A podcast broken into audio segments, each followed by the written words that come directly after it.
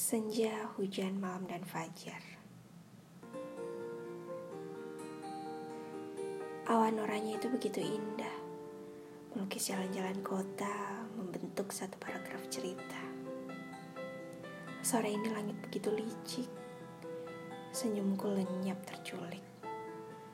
Karena senja diubah menjadi mendung, padahal rinduku sudah tak terbendung. Pada malam aku coba bercerita tentang semua kisah senja.